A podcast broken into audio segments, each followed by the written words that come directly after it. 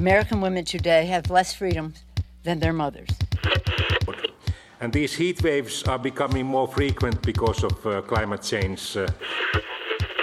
Inflation in the euro area is undesirably high, and this is a great challenge. Every image is a new discovery, and each will give humanity a view of the universe that we've never seen before. Кожен, хто має Бойовий досвід і може приєднатися до оборони України, повинен негайно прибути до відповідних центрів комплектації. We have had wars with Russia, and we don't want that kind of future for ourselves, for our children. Hasta la vista, baby!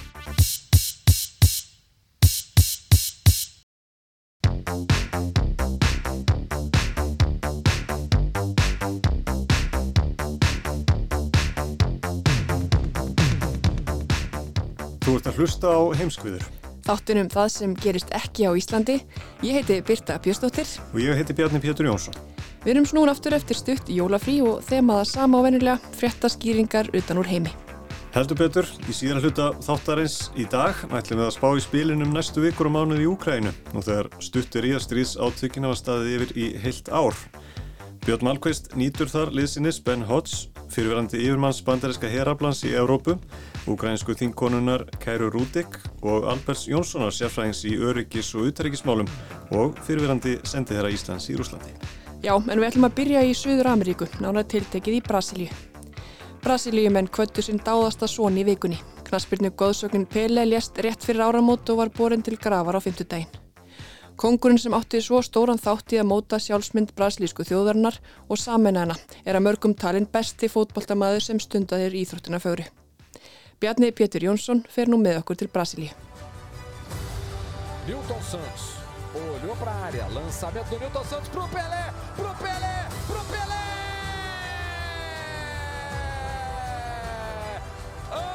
Antológico gol de Pelé!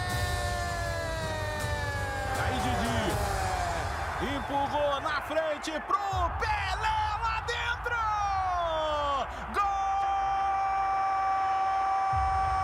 Brasilískir knaspunulýsendur eru einstakir og ekki öfunnsverðir, sérstaklega þeir sem lýstu því sem fyrir augu bara á sjötta og sjönda áratug síðustu aldar þegar brasilíska landsliði leka á stærsta sviði íþróttana. Ekki öfunnsverðir, segi ég, því þeir þurftu að lýsa þeim töfrum sem fyrir augu bar þegar brasilíska liði spilaði. Þarna voru beinar útsendingar frá leikjum ekki sjálfsæður hlutur, litasjónvarpið ekki komið og því var það lýsendana að koma töfrunum til skila, oftar en ekki til þeirra sem ekki sáu leikina og það var oftar en ekki gert með miklum tilþrifum. E primeiro de Pelé na final. O jovem de 17 anos. O jovem que seria rei. Pelé. Sensacional para a história. Á þessu stóra sviði heimsmeistaramótunni í fótbolta hafa margar stórstjörnur orðið til eins og fyrsta og líklega fremsta Brasilíumadurinn Pele stóð full skapaður á sviðinu 17 ára. Það var í Solna í Svíþjóð, úsliðaleikur HM 1958, þar sem brassar fengu loksins að hampa HM gulli í fyrsta sinn. 58.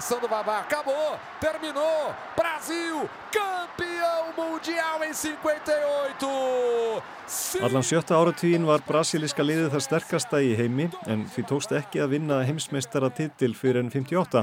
Þar var hver stór stjarnan á fætur annari en engin skein skærar en Pele. Þar skoraði þessi 17 ára unglingur 6 mörg, þar á meðal þrennu í undan úrslita leiknum og 2 af 5 mörgum brasilíska liðsins í 5-2 sigri á svíjum. Peli var yngstur til að skora á HM þegar hann í leik gegn Veils tveimur dögum eftir frumuraunina 58, fekk boltan inn í teig, tók hann niður og lætti fram hjá velska markmannunum. Val hoppaði svo inn í markið og eftir boltanum þar sem liðsfélagar hans fögnuðu með honum. Eftir þetta leitt Peli aldrei um öxl. Nafn hans var á allra vörum, hann var dýrkaður og dáður í Brasilíu um allan heim, nánast frá fyrstu stundu, útnefndur þjóðar Gersemi 1961 og Brasilíumenn höfðu eignast súperstjörn. Edson Arantes do Nascimento fættist í dæmigerðu brasilísku fátækra hverfi 1940. Amans og Afi voru þrælar en Peli átti eftir að verða einn helsta fyrirmynd fólks af hans kynþætti á 2000-stöldinni. Það má segja að hann og boksarin Muhammad Ali hafi verið fyrstu alheims stjörnur íþróttana sem voru dökkar á hörund. Nöfn þeirra voru á allra vörum og þá þekkti hvert mannsbarn. En Pele var ekki aktivisti eins og Ali og reyndi eftir fremsta megni að forðast að taka opimberlega afstuði sem flestu. Hávar Krafa var uppið með að nýtti sér stöðu sína sem óumdeild íþróttastjarnar sem naut hótama vinsalda til að gaggrina það sem miður fóri í brasilísku samfélagi og krefist úrbóta. En Pele hjælt alltaf á lofti mætti fótbóltans og þeim tækifærum sem hann geti fært brasilíumönnum og samtakamætti hans í að þjappa þjóðinni saman á erfiðum tímum. Og það skipti engu hvort það var rasism eða mikil stjættaskipting sem hvort vekjaður en ábyrrandi í brasilísku samfélagi. Pele let gaggríni og þögn sína sem vindum meirum þjóta og hann lifði mikla olgu tíma í brasilískum stjórnmálum. Herinn reyndi völdum 1964, tveimur árum eftir að Pele og félagar hans vörðu heimsmeistaratitilinn sem engri þjóð hefur tekið síðan. Einræði stjórn herfóringja var óslitiði völd til 1985 en stóran hlut af þess tíma naut Pele mikillar hilli í heimalandinu og spilaði þar alla tíð fyrir Santos, lið í samnemndri Hafnarborg skamt frá Sá Pálo. Hann leik með Santos til 1974 og var sexinum brasilískur meistari. Flest stórlið Evrópu reyndu að fá Pele til sín en án árangus. Næsti komst ítalska liðið Inter og samningur var í höfn en honum var rift eftir óeirðir stuðnismanna Santos sem tók ekki mála konungurinn færi til annars liðs, hvað þá utan landsins. Slík var hilli konungsins, konungs allra brasilíumanna. Pele settist endanlegi hásætið eftir HM í Mexiko 1970. Þar mætti brasilíska liðið því ítalska í úrslita leik sem laug með fjögur eitt sigur í Brasilíu. Þar með tókst honum að tryggja sér þriðja heimsmeistaratitilinn afreg sem engin knaspjötumadur hefur leikið eftir. Brasilíska liðið vann alla sex leiki sína á mótun og hefur oft verið valið besta íþróttalið sögunar en þar voru þekktar knaspjötnu kempur á borfið Carlos Alberto, Jairzinho, Tostao og Rivellino. Allt saman snillingar en Pele var bestur. Samkeppnin hófst fyrst í samanburðinu við Diego Maradona og síðan eru nokkrir tilkallaðir, Cristiano Ronaldo og Leo Little Messi. En hvað gerði Pele svona sérstakann? Eða komst hann á þennan efsta stall af því að hann var fyrstur? Er hann ofmetinn þess vegna? Er hann eins og Plötusafniðas pappa eða bíómyndir æsku árana? Er hann bestur í minningunni? Víðir Sigursson, fréttastjóri Íþróttadeildar Morgunblassis, hefur fjallað um fótboltæðir um 40 ár og fylst með honum en lengur. Fyrir honum er Pele stjarnan sem skein skærast. Hann er nú bara stjarnan í minni barnæsku og uh, hann er sá sem har horfið á lengi, lengi vel sem bara besta fótboltamann heims á þess að það veri nokkur vafi.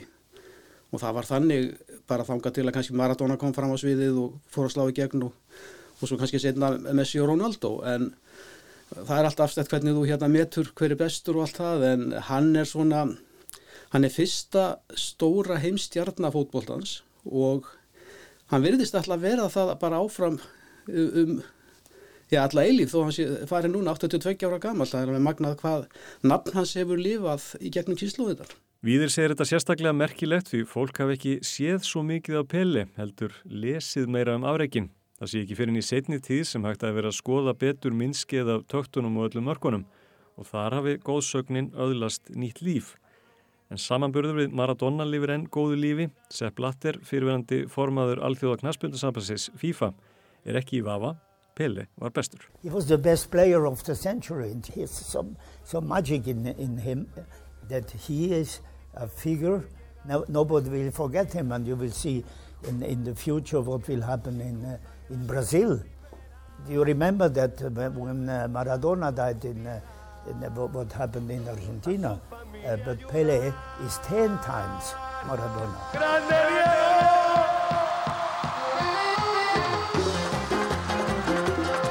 Björn Þorbjörnsson fór yfir ferinn Maradona í heimskviðum fyrir rúmum tveimur árum, stuttu eftir að hann lést, en þeir deila tillinum besti fótboltamaður 20. aldarinnar, Pele og Maradona. Þeir bara bera afís á sín, sínum kynnslóðum. Og þetta fer líka svolítið eftir þú spyrð eldstu kynnslóðina þá sem eru eldri en ég.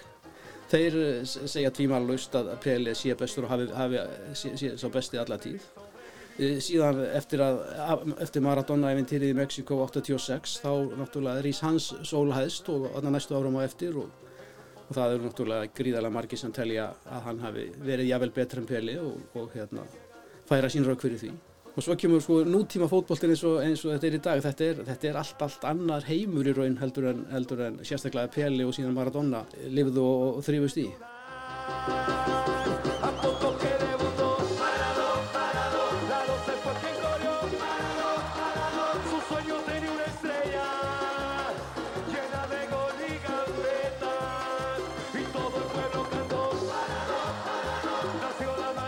Pele kvatti fótboltan í síningarleik í New York 1977. Hann hætti með Santos 74 og öllum að óvörum samtan við New York Cosmos í bandaríkjunum og laug ferlinum þar. Þar aðstóðan við að kynna fótboltan fyrir bandaríkjamönnum og helt því áfram um allan heim. Var þeins konar sendi herra fótboltans og bóðaði fagnadar erindið og tækifærin sem boltin aði fært honum. Í einn af þessum ferðum kom Pele til Íslands í fyrsta og eina sinn, þetta var sumarið 1991. Mörg hundruð manns fylgdust með heimsókn brasilíska knatsbyrnumestarans Pele til eigilstaða í dag. Hann tók í nótkun nýjan grasveld þar á samt áskeri Sigurvinsinni knatsbyrnumanni. Pele kom til eigilstaða klukkan hálf þrjú í dag, hálf tíma setna en áallar var. Brottverð hans frá Akureyri senkaði nokkuð og að auki var tekinn tími... Hann kemur hingað í algjöran skóttúr, er hérna í, í tvo heila daga, kemur á senta sundarskvöldi og flýgur aftur út á miðugdagsmotni og og það er farið meðan hérna beint, beint af flugvöldunum í hérna Keflavík er farið meðan til Akureyrar gist þar eh, Akureyri, hitta Akureyringa fyrir hádegi flóið til Egilstaða eh, þar výir hann völl og hérna hittir fólk fer til Vestmanneia um kvöldið og er þar og afhendir velun á Norðurlandamóti kemur svo í bæin hérna eh, hittir, er með svona uppákomur bæði í hérna Hafnafyrði og hjá Frömmurum í Savamýri og það, það segja allir sem þarna voru að hann, hann tók þessu svo vel að, að, hérna, að skipta hann engum máli þó að hérna, hann hefði engan frítíma eða neitt fyrir sjálfan sig. Hann, hann hafði svo gamna því að hitta alla sérstaklega krakkana. Hann, hann talaði við allt og alla hann, á, hann fór upp á Akranes það hitt hann gömlu kappana Rikka Jóns og Þór Þórðar og og Gunni Bakkari eh, skagamáður eh, sem, sem stýrði fótbolltana þar í mörg mörg ár hann sagði að þeir hefði verið eins og, eins og bræður þeir þrýr Peli Rikki og Þórður. Og það er allir sem að töluðum hvað hann væri svona hæverskur, auðmjúkur og bara alþýlegu maður, hann var ekki til eitthvað eitthvað kannski hróki eða stjórnum stælæri eða neitt slíkt. Það, það var ekkert til hjá honum.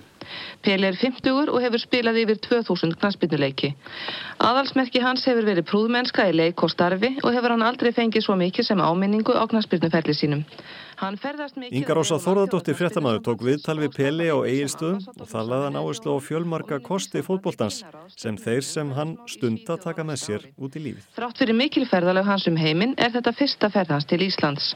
Uh, first of all, I, I am very glad because always when you can meet people, you know, and uh, make friends is uh, fantastic. I travel all over the world. And then this is my first time here. And then I think this is the philosophy of the sport. Sport put the people together. And then I have a friend here now because I, I met a lot of friends here. And the most important is to tell to those kids who start to play football, soccer, how to play fair. Fair play, you know, in life is important, inside and outside of the field. Pele saðist í vittalinu ekki ætla að leggja stjórnmálinn fyrir sig en stuttu síðar leta hann þó verða af því. Þetta var sumarið 1991 en hann var ráð þeirra íþróttamálinn 1994 í Brasilium þótt stjórnmála fyrirlin er ekki mjög farsæl. Þar hjælt Pele áfram því sem hafi gefist vel áður að tjási helst ekki um erfið og umdelt málefni. Hann fekk oft bátt fyrir, sérstaklega frá svörtu fólki í Brasilíu sem fannst hann ekki gera nóg til að vekja aðtikli á þeirri kynþáta mismunum sem var látin viðgangast og tegði ánga sína víða. Þetta er ekki ósvipað því sem aðrar ofur stjórnur í þessari stöðu gerðu þessum tíma. Michael Jordan var gaggrindur fyrir að neyta að styðja demokrata sem var dökkur á hörund í baráttu um öldungadeildar þingsæti við kvítan republikana. Umæli Jordans sem vöktu mikla reyði, republikanar kaupa líka stregaskóm, ollu miklu fjölmennafári og lengi og eftir voru mikil særindi í kringum þá svörtu íþróttamenn sem komust til aðstu með dorða en nýttu ekki vopnin sem þeir höfðu í höndunum til að berjast gegn óréttlæti og rasisma.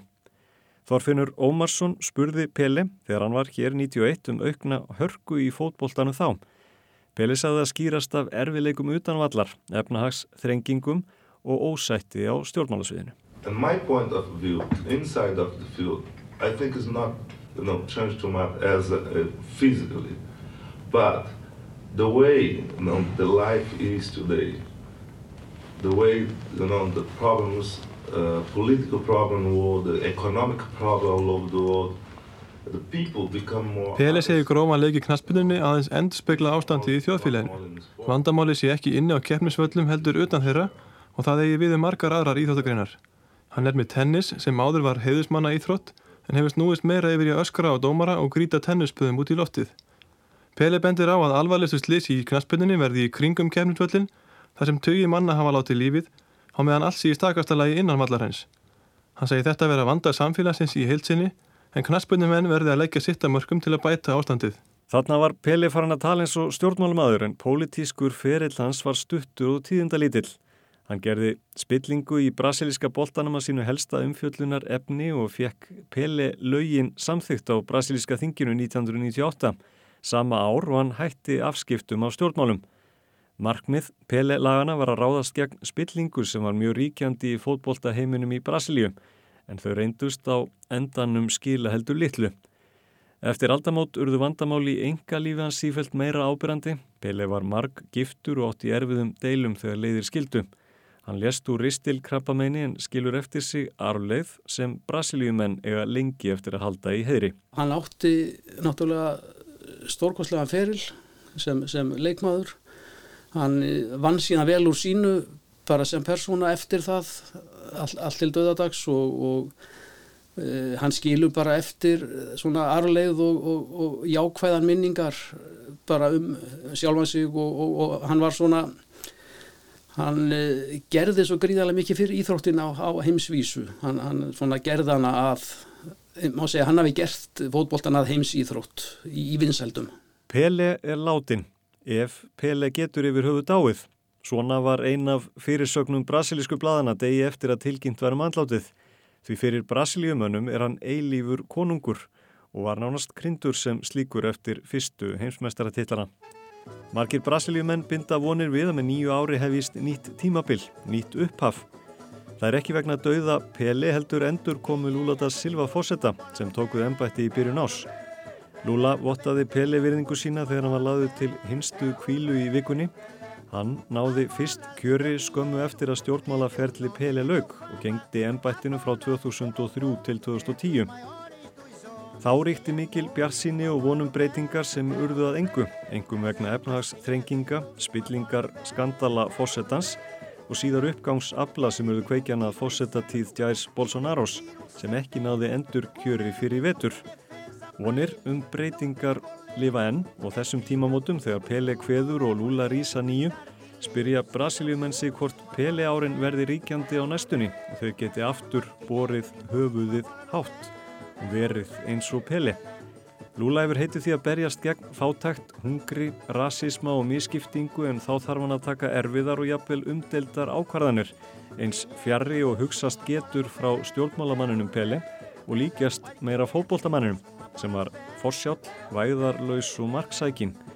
Og þá gætu Brasiljumenn aftur borið höfuðuð hátt, orðið stoltir og sjálfstæðir eins og þeir voru á upphafs árum Pele Konús.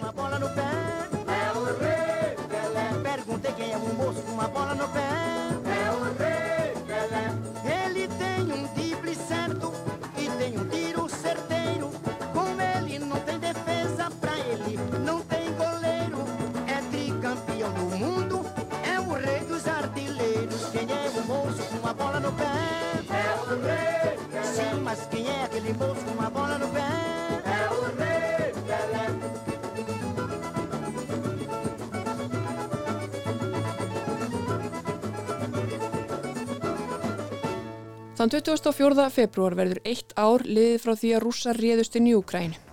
Innrásin hófst að morgni dags með stór sók meðal annars að Kiev höfuborg Úkrænu en rúsnæðskar hersveitir sóttu einnig fram í austur og suðurluta landsins.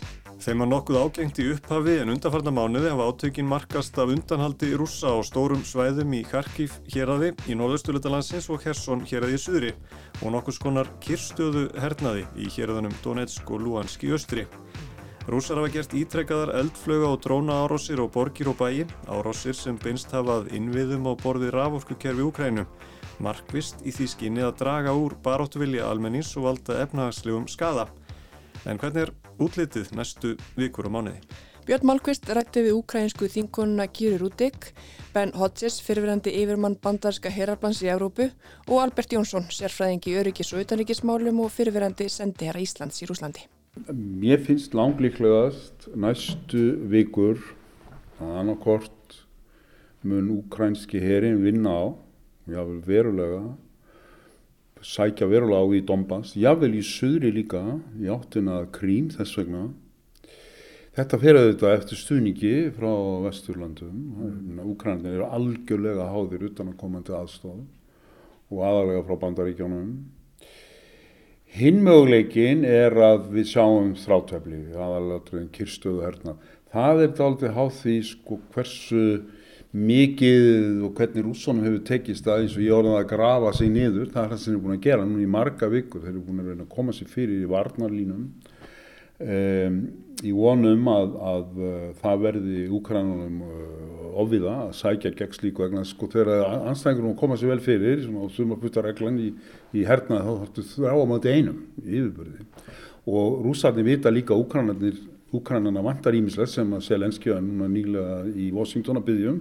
Það vantar sóknarvokk, það vantar skriðdrega, öflöða skriðdrega sem að ég sá séðast í dag að menn í Pentagon segja þeir fá ekki. Þá vantar sárlega flugvilar sem getur gert loftarásir á stöðvarúsa. Þeir fá þær allan ekki frá bandaríkjónum. Mm -hmm. Þeir fá hins vegar að því er virðist vera svo kalla brimvarða flutninga, liðsflutninga vagna frá bandaríkjónu sem eru mjög öflugir og muni hjálpa þeim. Þannig að annarkort muni úkrænarnir komast á reyfingu og sækja eða þetta fer í, í og það er hátt stuðningnum frá, frá vestrinu, eða þá að þetta fer í kyrstöðu, hernað, þrátefli og þá kemur í ljós hversu rússonum hefur vel, hversu vel þeim hefur gengið að grafa sér niður. En þeir eru bókstaflega í, eh, í vorn.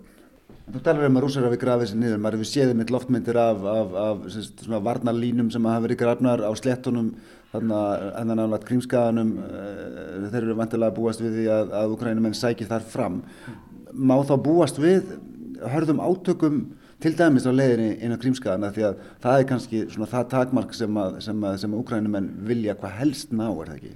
Það er auðvitað mest áfallið fyrir, fyrir Putin og, og Rúslandsstjórn ef að þeir mistu Krím þar sem þetta allt hófsnum 2014 og er saga sem að rúsneski ráðamenn vittna mikið til og, og sem til að réttlæta málstæðin í Úkrænu. Þessar varnalínur rússa sem Albert Jónsson talaði um hafa til að mynda sérst í söðuluta Hersson hérads, norður af landbrúni yfir á Krímskaga, sem er að líkindum aðal takmark Ukrænumanna næstu mánuði, segir Ben Hodges. Hann er fyrverandi hessöðing í Bandaríkja herr og var aðsti yfirmaður herabla Bandaríkjana í Evrópu frá 2014 til 2018. Well, I think that uh, Crimea is the decisive part of this campaign. I mean, Crimea is what it's all about. And uh, I believe that Ukraine will never be safe as long as Russia occupies Crimea, nor will they be able to rebuild their economy as long as Russia occupies Crimea. Krímskagi er mikilvægasti parturinn af þessari baráttu. Ég held að öryggi Úkrænu verði ekki tryggt svo lengi sem rússar eru á Krímskaga. Þá geta þeir hamlað aðgangi að Asoflóa Þeir geta tröflað skipaumferðum hafnarborgir Úkræinu þannig að Krímskægin er mikilvægur fyrir efnahagslega uppbyggingu Úkræinu. Þannig að allar hugmyndir um að semjum frið og leifa rúsum að halda Krímskæganum eru skamsínar að mínum mati. Donbass getur beðið. Úkrænumenn gera það sem þeir þurfa þar næstu vikur og mánuði en munur einað einangra Krímskæga með því að ráðast á þær tvær leiðir sem likjaðangað. Kerts brúna sem þeir munu sennilega ráðast aftur á og svo veginn sem leggur frá Rostov gegnum Mariupol og yfir á Krímskaga. Þannig reyna þeir að breyta krímskaganum í gildru fyrir rúsana. And uh, exactly the opposite of what we should be uh, thinking. So if Crimea is that important, then Donbass can wait. Uh, so they'll do, I think they'll do what they have to do there. Uh, and, and over the next weeks and months, uh, do what they can to isolate Crimea. There's two roads that lead into Crimea. One, of course, is over the Kerch Bridge, which has already been hit. The Russians will eventually repair it, so I anticipate the Ukrainians will hit it again. Um, and then the other road that goes in there is uh, the so-called land bridge that comes from Rostov through Mariupol and Melitopol into Crimea. I mean that that's it. And so they've already hit Kerch, they've already hit Melitopol, and so I think they will continue to work to uh, defeat or um, neutralize and, and, degrade Russia's uh, logistics capability along those two two roads, so that uh, you Crimea increasingly looks like a trap, mm -hmm. actually. Rússa lögðu Krímskaga undir sig vorið 2014 eftir mætanbyltinguna í Kiev í februar sama ár þegar Viktor Janukovic, þáverandi fósetti Úkrænu, flúði til Rúslands. Mánuði síðar var Krímskagi innleimaður í Rúsland. Um svipað leiti hófust mótmæla aðgerðir aðskilnaða sinna í hérðunum Donetsk og Luhansk í austurluta Úkrænu á svæðinu sem stundum er kallað Donbass. Þessir aðskilnaðarsinnar með stuðningi rúsa hafa síðan þá vorið 2014 haft yfiráði við hluta þessara hérada. Stjórnvöldi Kreml ákváður síðan í vetur að innleima Donetsk og Luhansk í Rúsland á samt tveimur öðrum hérðum í Ukrænum, Kherson og Saporizia. Jafnvel þótt rúsneskar hersveitir ráðunu og aðeins hluta þessara svæða. En það er krímskægin sem skiptir mestu máli, segir Hodges. First of all, let me say that I believe that uh, Ukraine will liberate Crimea by the end of the summer, by by the end of August, so eight months from now. Um, between now and then, uh, there's going to be a lot of very hard fighting. Uh, I think the general staff is going to use the time uh, between now and the spring to uh, set the conditions to continue to uh. Ég held að Úkrænumenn muni endurheinta krímskagan í lok sumars en það verður mikið um harða bardaga þanga til að tekst. Úkrænska herfóringjaráðið mun nota tíman fram á vor til að undirbúa jarðveginn, halda áfram að ráðast á byrðarflutninga, rússa og stjórnstöðar þeirra. Úkrænumenn þurfa einnig að fylgjast með stöðun í Belarus og norður hluta Úkrænu. Þeir verða verjast rússum í austurluta landsins. Þeir þurfa auðvitað að byggja upp eigin byrðarflutninga, sinna þjálfun hermanna og undirbúa sínar aðgerðir. Það er erfitt að tímasetja svona en ég held að undirbúningurinn verði næstu 8 til 10 vikurnar. The northeastern area of uh, uh, north of Bakhmut, for example, to prevent Russia from having any success there. And then, of course, um, they have to build up uh, their training, uh, they're building up logistics themselves, getting ready for whatever it is they might do when it's time. So I, I think uh, probably the, the general staff that they know their soldiers, they know their population, they know the weather and terrain, obviously. And and so my sense is that the next I'm reluctant to put a time on it, but at least the next eight, ten weeks are going to be spent continuing to um, uh, set those conditions. Og það sem hjálpar úkrænumönnum að mati margra sérfræðinga er að innrásin hefur komið upp um veikleika rústneska hersins. Það er jável sko mjög vægt til orða að tekja. Það, er, uh, það hefur sko, þetta hefur mistekist herfilega og auðvitað er mest ábyrrandi uh, eh, framistaða langtersins í Úkrænu sem hefur orðið fyrir feikilegu hergagnantjónu og, og ræðilegu manntjónu. Mm en það er líka alveg ljóst og flugherrin er ekkert að standa sig og eitt sem kemur í ljós og kom strax í ljós og menn uh, klóruði sér höstum yfir að flugherr og landherr eiga greinilega eitthvað mjög erfitt með að vinna saman sem er svona sko algjört grundvallaratriði í nútíma hernaði og uh, þarna vantar eitthvað mikið upp á í þjálfun og, og, og æfingum og Og í öðru lagi, í þriðja lagi þá kemur í ljósa að stjórn, stjórnuninn á hernum er í algjörðu lamassessi. Þannig að Guð sem bara ekki gleyma því þegar þeir fóru inn þá voru allir með þá reynu að þeir möttu taka kýf, þeir voru ekki þeir einu sem heldur það sko, það voru allir með að bandar í stjórnum buðust til að ná í Selenski til kýf og fara með hann út úr landinu, allar út úr höfuborginni þannig að, að, þetta hefur komið mönnum alveg feikilega óvart og menn hafa greinilega ofmeti rúsneska herin, þetta er náttúrulega veikleikar sem er að koma í ljóð, sem er stríður að afhjúpa alvarlega veikleikar sem voru auðvitað til staðar áður en innráðsinn hófst.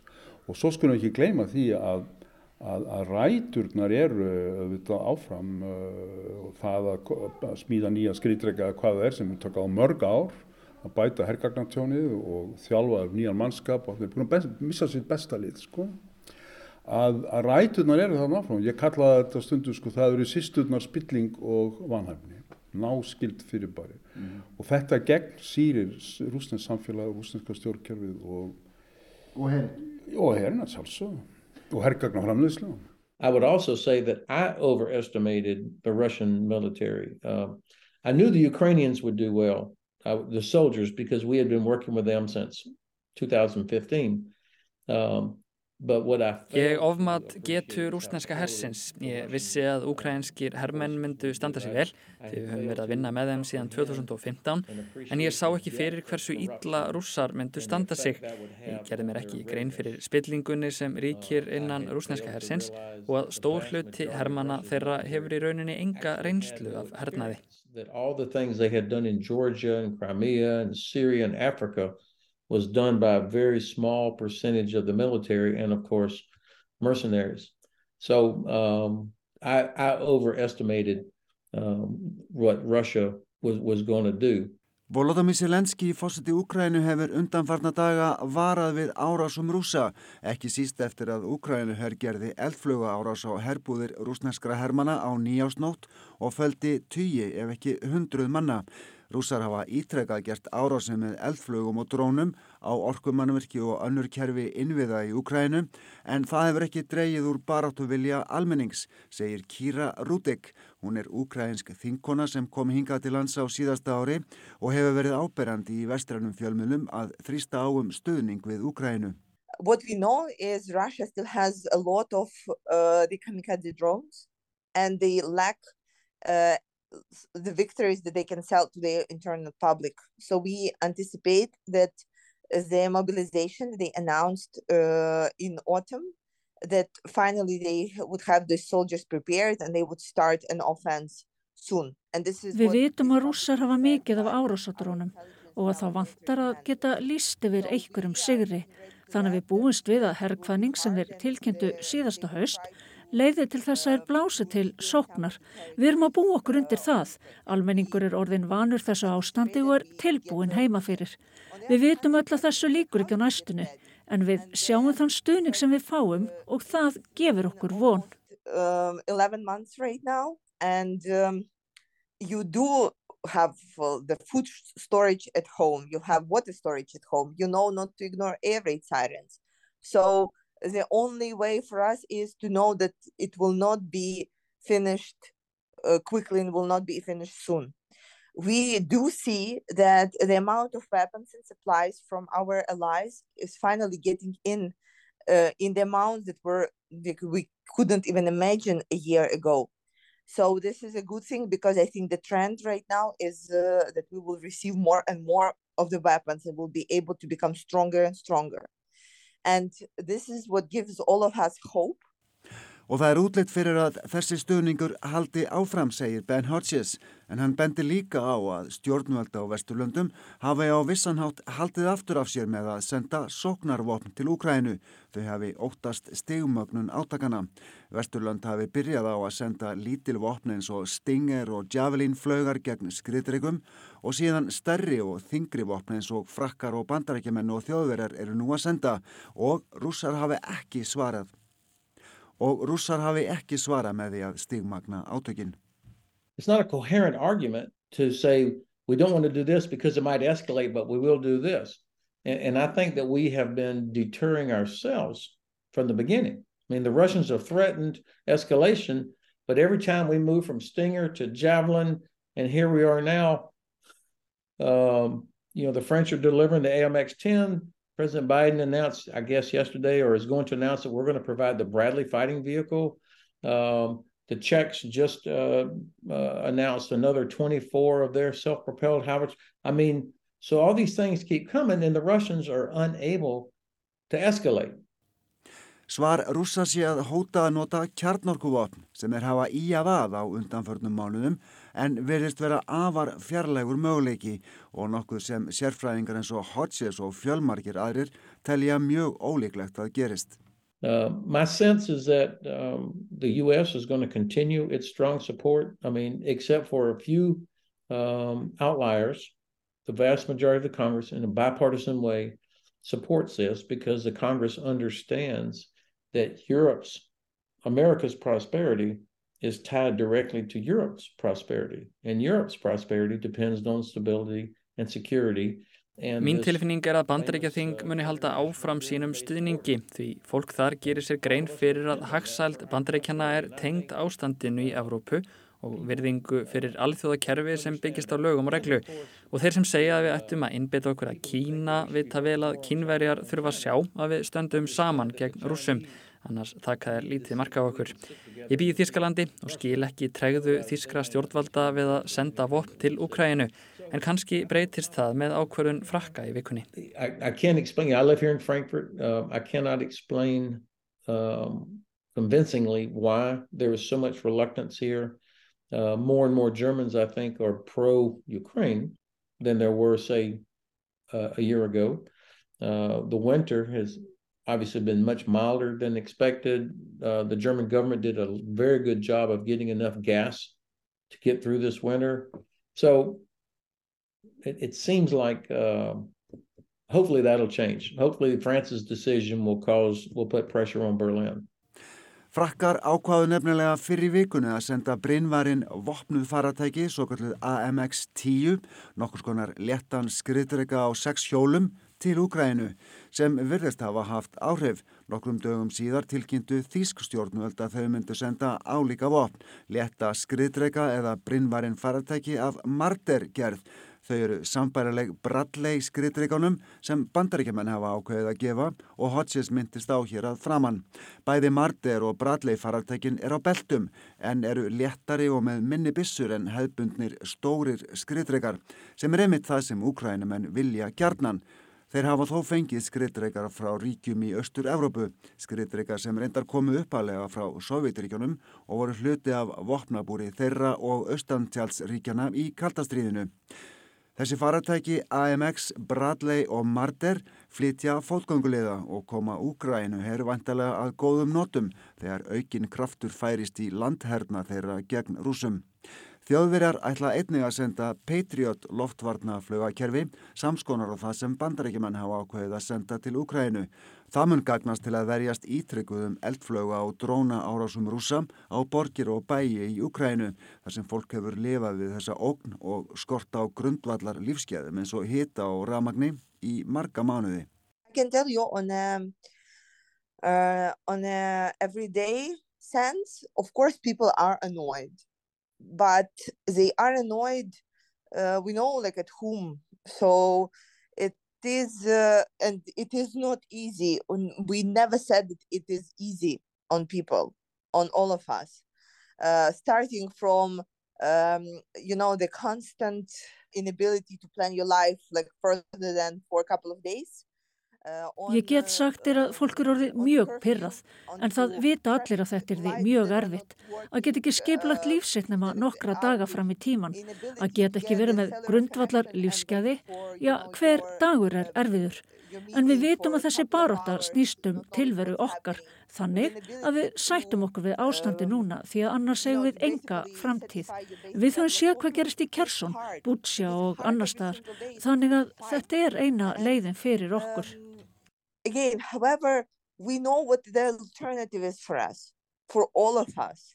And the alternative is uh, if we lose, it's a matter of our existence. It's a matter of our um, just ability to survive. So it's rather we have this today and this future, or we don't have any at all. And we know that you have seen all the reports from Izium, from Kherson, from Bucha, from Irpin. You know what is happening in the occupied territories. So there is no other way for us at all. And we know that, we know that for sure. Þetta verða loka orðin í heimskviðum þessa vikuna. Við verðum hér á sama tíma í næstu viku að vanda. Takk fyrir að hlusta.